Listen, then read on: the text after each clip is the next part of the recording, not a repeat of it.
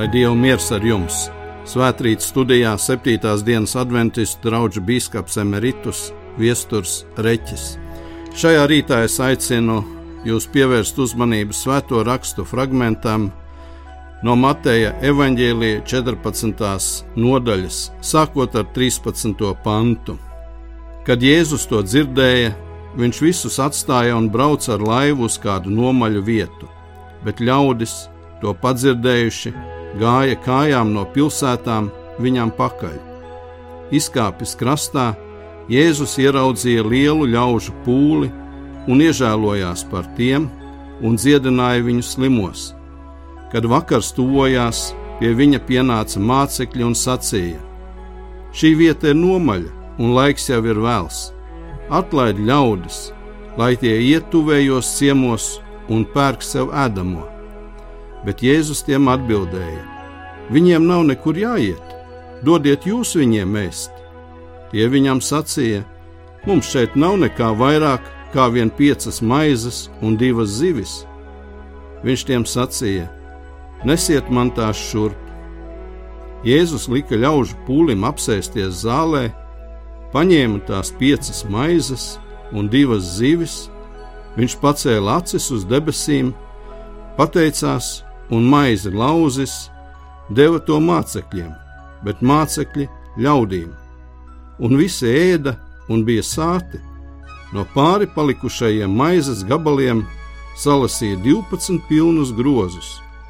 Pāēdušo bija 5000 vīru, neskaitot sievietes un bērnus. Tie bija svēto rakstu vārdi.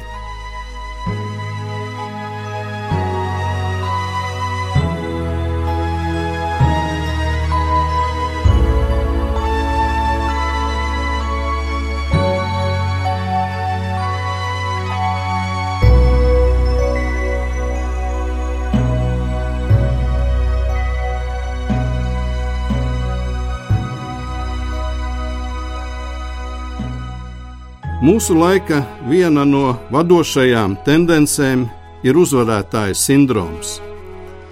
Nesen lasīju kāda raksta ievadā raksturojumu mūsu laikam.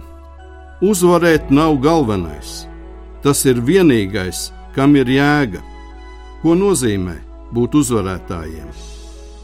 Daudziem uzvarēt nozīmē būt pašiem labākajiem, apsteigt citus, pavirzīties pa karjeras kāpnēm, vienalga kādiem līdzekļiem. Uzvarētāji. Mēs varam iedomāties sportistus, kuri ir cīnījušies un iegūši uzvaru, māksliniekus, kurus nominē dažādām balvām, biznesa veiksmniekus, karjeras augstumus sasniegušos. Protams, ir arī citas kategorijas līmeņi, arī mēs paši varam sevi varbūt kādā brīdī skaitīt par uzvarētājiem, ja esam dzīvē ko sasnieguši, pēc kā esam tiekušies. Šajā lasītajā rakstu fragmentā mēs ieraugam arī sava veida uzvaras modeli, bet Jēzus Kristus uzvaras modelis ir perspektīvas spēks, skats pāri reālajam, šaurajam, paskatīties pāri tam.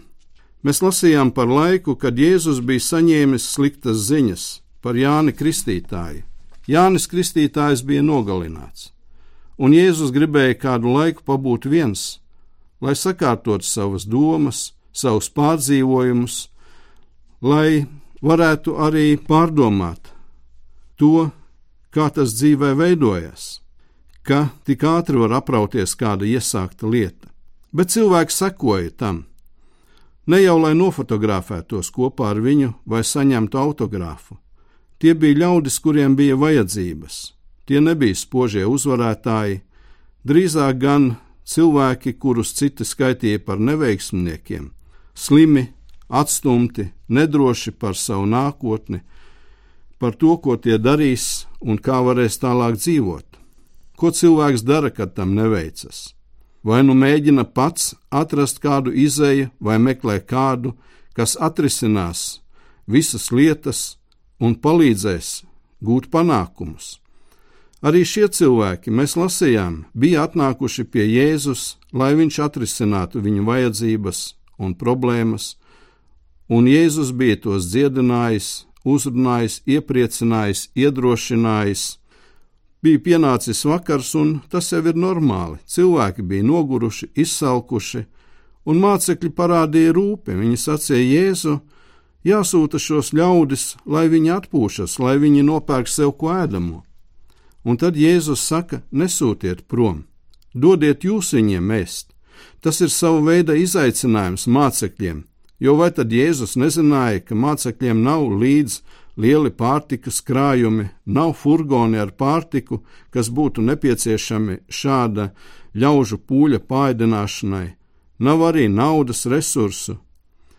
Mācekļi redzēja problēmu, bet tie neredzēja iespējas. Droši vien līdzīgi mums, mēs vairāk redzam problēmas arī savā dzīvē, ne potenciālu un ne iespējas. Mēs pārāk bieži sūdzamies Dievam par to, ka nespējam veikt vienu vai otru lietu, par to, ka mums nav pietiekami resursu, ka mūsu spēki ir par vājiem. Jēzus māca, lūkoties tam pāri, ieraudzīt perspektīvu. Mēs varbūt skatāmies uz to ierasto, un negribam redzēt kaut ko vairāk. Šajā stāstā, ko mēs lasījām, evaņģēlīja fragmentā, mēs redzējām arī patiesību, ka vērtības mainās no tā, kā rokās tās nonāk.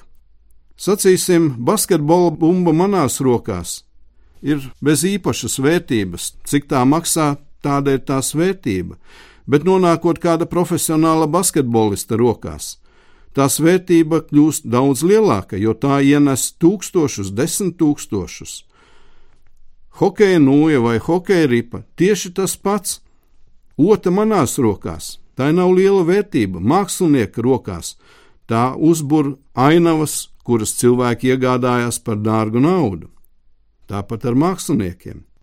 Mācekļi līdzīgi mums lūkojās uz mirklīgo, uz tagadējo, uz savām iespējām un bailes, nespēks, tas apžilbina, var izraisīt nedrošību vai pat reizēm neadekvātu rīcību. Viņi bija redzējuši brīnumus, bet nespēja to atcerēties, jo, ja lietas nonāk Jēzus rokās, tās pārveidojās. Evanģēlijos mēs lasām, ka Jēzus rokas dod jaunas perspektīvas. Mēs lasām par aklo cilvēku. Cilvēks no dzimšanas akls, Jēzus pieskārās viņa acīm, un tās atvērās. Cilvēks varēja redzēt.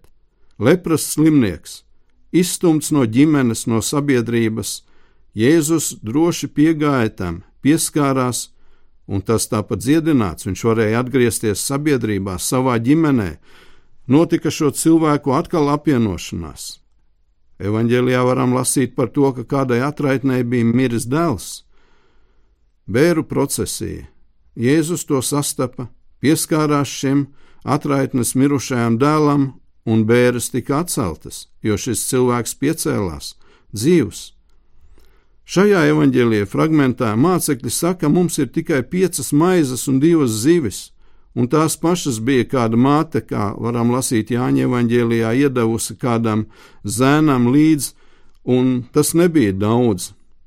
Mēs esam ātri runāt par to, kā mums nav, ko nevaram darīt, bet šis teksts rāda, Dievs var ielikt mūsu situācijā, kas šķietami ved tikai zaudējumā, kur nevaram būt uzvarētāji, bet Viņš iemāca mūs paļauties uz Viņu, lai Viņš tiktu pagodināts Mācekļi jutās droši vien apkaunoti, kad Jēzus sacīja: atnesiet šīs zivis un stāstiet ļaudīm, kā ar piecām maizēm un divām zivīm viņi visi taps pāēdināti. Bet, kad tās nonāca Jēzus rokās, visi pāēd un vēl pāri palika. Kad mums liekas, nav izējas, nav izredzu, mēs varam griezties pie Dieva. Ko mēs varam mācīties šajā tekstā? Ja kas liekas neiespējams, tas nav aizbildinājums nemēģināt to darīt. Dievs reizēm prasa neiespējamo, bet vienmēr dod līdzekļus, lai mēs varētu paklausīt viņam un to izdarīt. Mums jau arī īsti nav ko dot cilvēkiem, izņemot, ja mēs to dodam Jēzum un tad saņemot no viņa, nododam atpakaļ, jo viņš pavairo. Piecas maizes, divas zivis kļuva par pārtiku pieciem tūkstošiem cilvēku. Faktiski apmierināja to cilvēku ikdienišķās vajadzības, jo mūsu vajadzības Dieva vārds māca mums izteikt vārdā maize. Un Jāņa evanģēlijas 6. nodaļā Jēzus saka 35. pantā: Es esmu dzīvības maize. Arī pēdējā vakarēdienā viņš saka: Mana miesa ir maize. Velns kārdināja Jēzu ar maizi, un arī mūsu uzmanība ir parasti uz lietām, kas ir nepieciešamas mūsu fiziskajai eksistencei. Jēzus skatās pāri tām un rāda, ka Viņš grib darīt mūsu dzīvus dievā. Viņš grib mūs paēdināt ar sevi, ar dzīvības maizi. Mēs reizēm paliekam pie terapeitiskā evaņģēlīja, kaut ko uzlabot, kaut ko sakārtot, bet Dievs grib darīt mūsu dzīvus viņā, darīt par viņa valstības ļaudīm, par uzvarētājiem.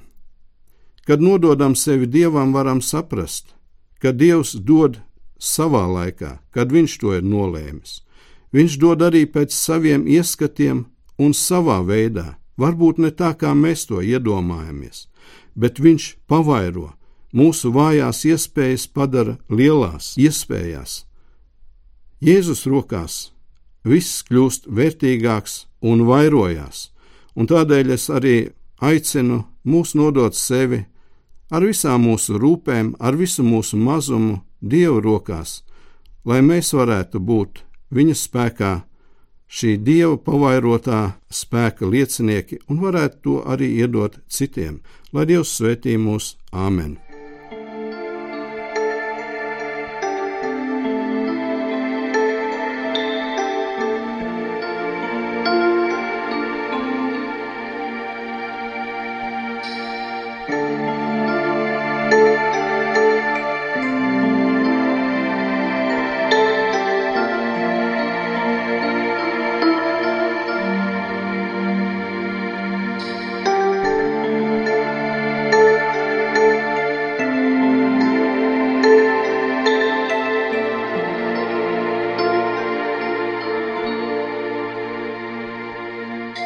Debes Tēvs, mēs pateicamies, ka varam piederēt Tev un ka drīkstam Tevi saukt par savu Tēvu.